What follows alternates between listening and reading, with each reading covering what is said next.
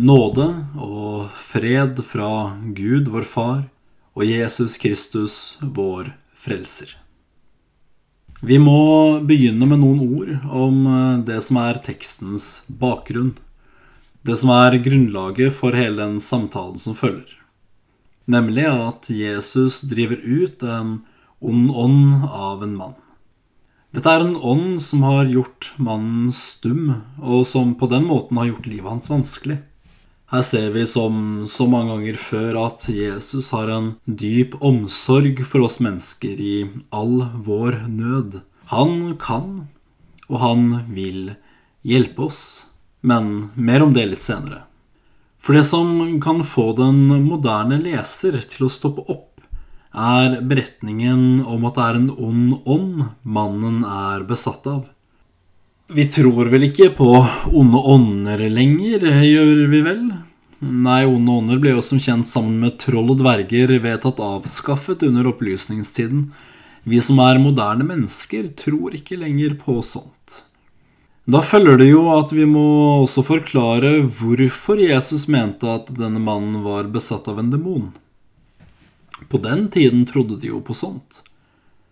En forklaring jeg har hørt, er at Jesus selv trodde at han var besatt, noe mannen også naturligvis og de rundt må ha tenkt.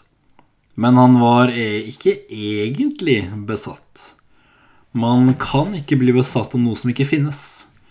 Det var bare en forklaring de enfoldige, Herren inkludert, hadde laget for å forklare virkeligheten rundt seg. Litt som at det lyner når Thor drar over himmelen i vogna si. Dette er en tolkning som må avvises på det kraftigste av den kristne kirke. Jesus var rett nok underlagt visse begrensninger i sin allvitenhet, jf. Filipperne 2. Men står det at Jesus drev ut en ond ånd, så gjorde han det. Det står så mange andre steder om at Jesus helbredet uten at onde ånder er nevnt. Dersom dette hadde vært en vanlig tolkningsnøkkel for folk som også Jesus trodde på, så ville vi vel sett at Jesus drev ut onde ånder oftere. Nei, Jesus gjorde det han gjorde. Noen ganger helbredet han, andre ganger drev han ut onde ånder, med helbredelse som konsekvens. Djevelen er vår fiende, vitner Bibelen om. Han har med seg en hær av onde ånder, også kalt demoner, som er falne engler. De kan besette mennesker og plage Guds barn, og vi må aldri tro at de ikke finnes. Det er djevelens største seier å ha overbevist verden om at han ikke finnes. Onde åndsmakter finnes, vi skal etter hvert se at uh, som kristne har vi ingenting å frykte fra disse om de plager oss aldri så mye. For disse onde åndsmakter har ingen makt over en eh, kristen. Hvorfor ikke? Naturligvis fordi med Jesus Kristus så har Guds rike kommet. Og dette er et rike som eksisterer der den kristne er.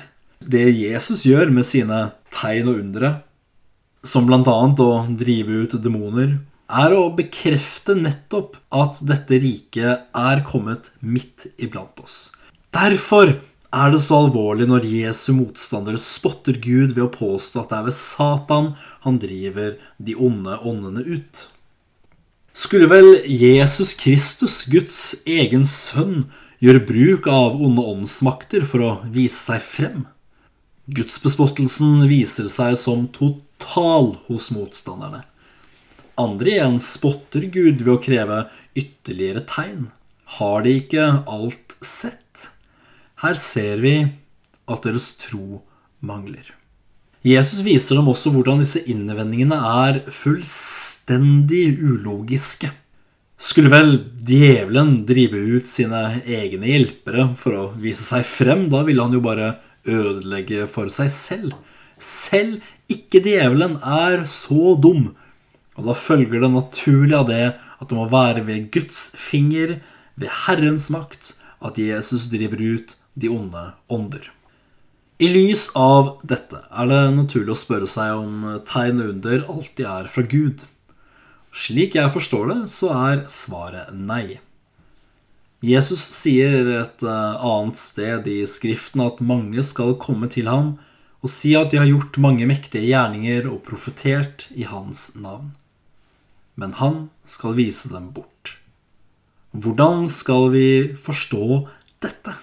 Det vil være naturlig å si at under som ikke ledsages av evangelieforkynnelse, er av det onde. Vi vet at hele Jesu virksomhet var en eneste lang forkynnelse av det gode budskapet evangeliet. Kristus er selv for oss et evangelium, og bare han åpner munnen, lyder det fantastiske budskapet. Da er det altså sånn at når Jesus gjør tegn og under, så ledsager de alltid forkynnelsen av evangeliet. Jesus gjør aldri under uten at evangeliet er forkynt, og de tjener til et middel for å bekrefte at budskapet er fra Gud. Mange store kirker som kaller seg kristne, bryter i dag mot dette. Du har store kjendiser, såkalte profeter og apostler, alltid selvutnevnte, som skryter av at de gjør store tegn og under. Ofte er det største de klarer å utrette, er å rette ut en fot som er for kort, eller annet taskenspilleri. Men problemet er uansett at de ikke forkynner evangeliet. Vi kan høre på disse svermerne og se hva de forkynner, så kan den kristne selv prøve det på Guds ord. Høres evangeliets herlige stemme, om syndenes forlatelse for Jesu Kristi skyld, et løfte som gripes alene i troen på ham. Hvis ikke dette høres i forkynnelse, så er det ikke et evangelium, og da kan heller ikke undrene være fra Gud. Jeg kunne også sagt noe om at selv om vi tror og bekjenner at Gud kan gjøre mirakler i dag, så er tiden over hvor kristne, når de vil, kan gjøre dette. Dette hørte til aposteltiden, hvor kirkens budskap skulle stadfestes blant mennesker. Aposteltiden er over, og derfor er det også den tid da mennesker kunne gjøre undere, over. Jeg har forkynt om dette tidligere og begrenser meg til dette enkle. Det finnes ikke apostler i dag. Dersom du er en kristen, skal du fly fra alle selvutnevnte apostler. De er ulver. Det hører også med noen ord om Jesu ord i versene 24, 25 og 26. Altså om denne onde ånden som drives ut og flakker omkring, før den vender tilbake og tar med seg sine onde onde åndevenner til sitt gamle menneske. Tolkningen som legges til grunn i studiebibelen Ressurs, viser viktigheten av at et menneske som har fått utdrevet en ånd, får del i Guds ånd ved troen og dåpen, naturligvis. Har man opplevd evangeliets kraft, kan man ikke bare leve som før. Da vil huset være rent og feid når den onde kommer tilbake. Men dette er et interessant vers, for det gir oss muligheten til å se på om kristne kan bli besatt av demoner. Utgangspunktet må jo selvsagt være svaret på spørsmålet hvem som er en kristen. Det er de som tror evangeliet, som er døpt, og som trøster seg til Herren Jesus som eneste grunn til syndenes forlatelse og evig liv. I dåpen fikk du Den hellige ånd, slik Johannes 3 vitner om. Det betyr at hvis du er døpt og tror på Jesus, så bor Gud selv i deg. Det vitner Skriften om flere steder. Da må Den kristne kirke bekjenne at vi tror at en kristen ikke kan bli besatt av onde ånder. Dersom Guds ånd bor i et menneske, kan ikke en ond ånd bo der samtidig. Kristne kan nødvendigvis bli plaget av onde ånder. Det er sjelden at sjefen sjøl, selv, selve djevelen, plager deg. Han eksisterer, men innehar ingen av Guds egenskaper. Dersom djevelen er i Roma, kan ikke djevelen være i Oslo. Så enkelt er det. Det betyr at eh, dersom en eh, kristen opplever seg plaget og angrepet, angrepet, så vil det være andre onde åndsmakter enn den mektigste, og jeg tenker at det er nok kanskje godt. Likevel kan det oppleves eh, krevende å bli plaget og angrepet. Vi kan kjenne ekstra fristelse, svakhet og at vi trekkes til synd. Selv så opplever jeg som regel ukentlig å miste nattesøvnen natt til søndag. Jeg tror ikke det er tilfeldig. Vi skal heller ikke undre oss, for demonene hater kristne. De hater at vi trøster oss til Jesus og er sikre på vår frelse.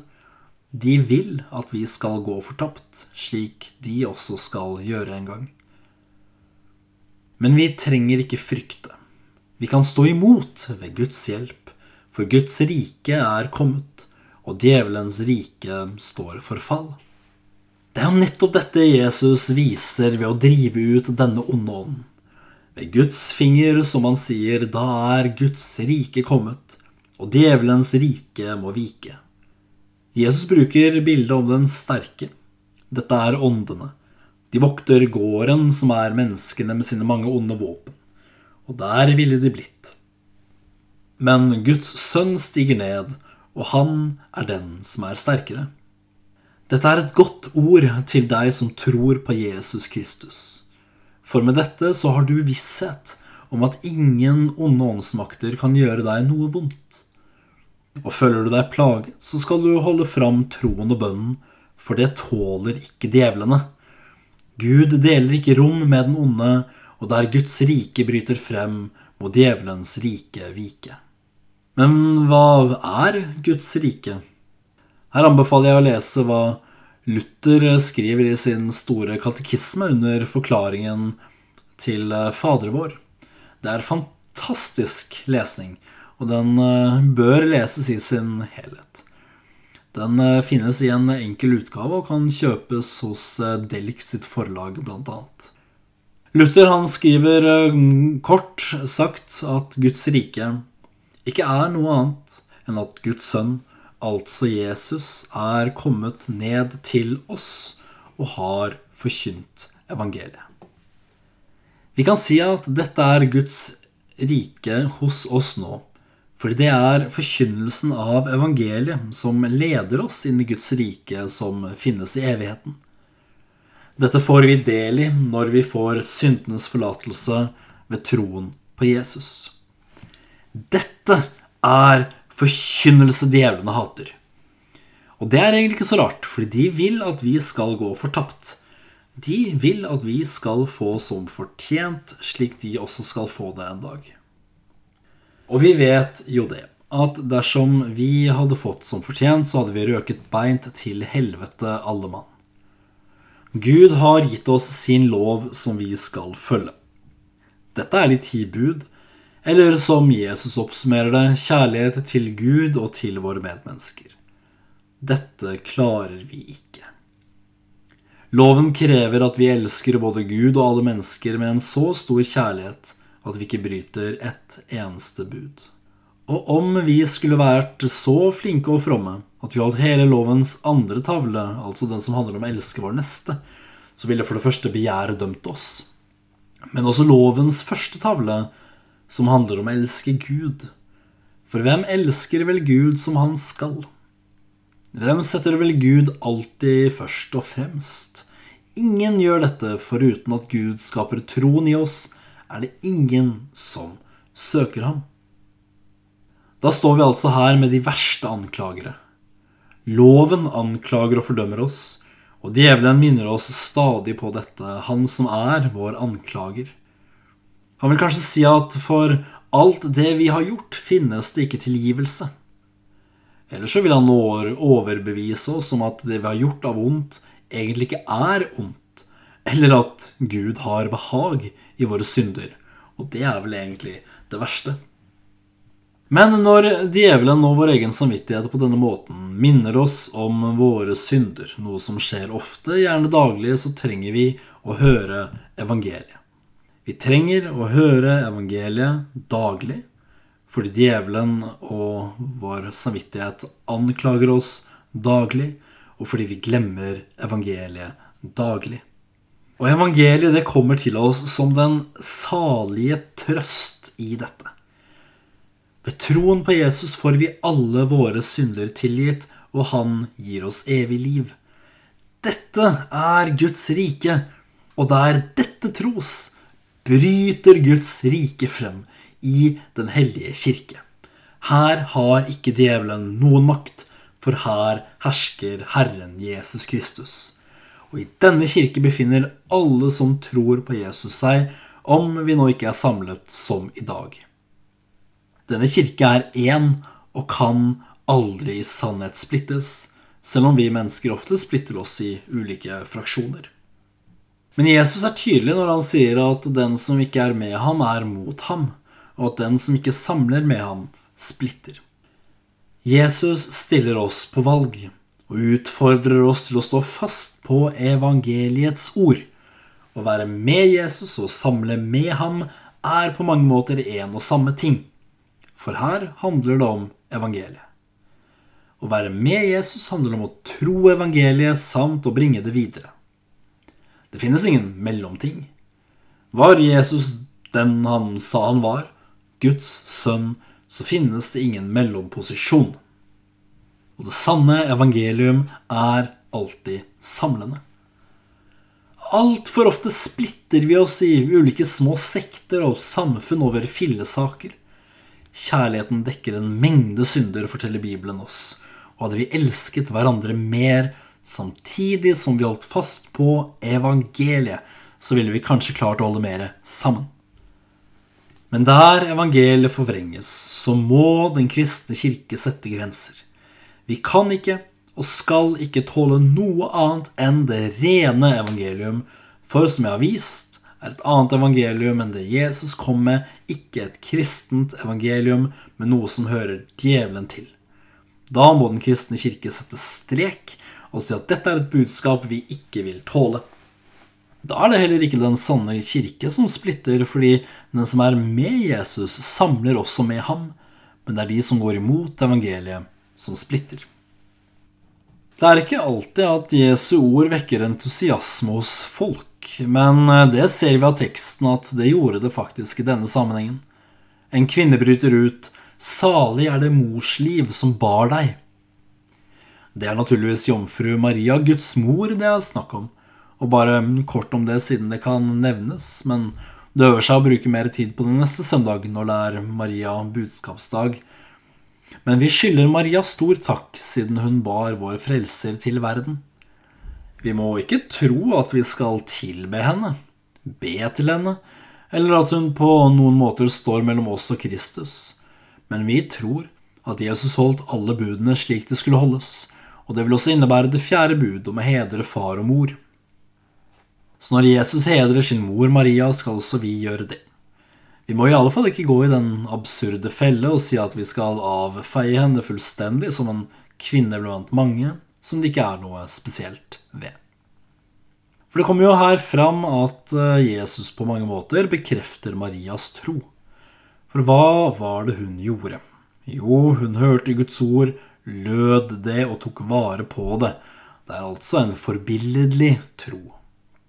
Men Maria er likevel ingen grunn til salighet for noen. Det er det bare Jesus Kristus som er, og han er åpenbart for oss nettopp i Guds ord.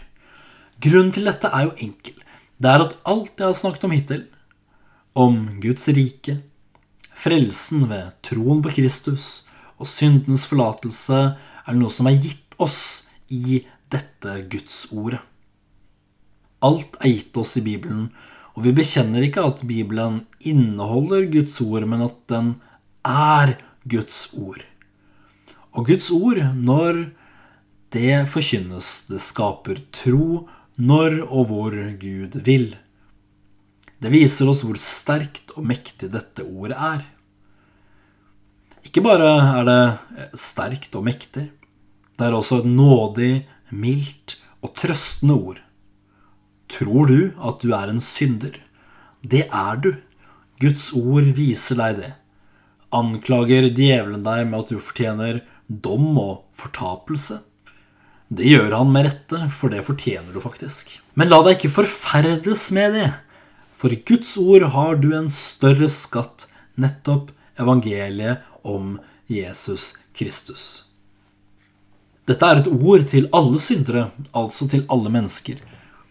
At Gud for Jesu Kristi skyld, sin egen sønn som han sendte til oss, ikke lenger er vred og sint på syndere.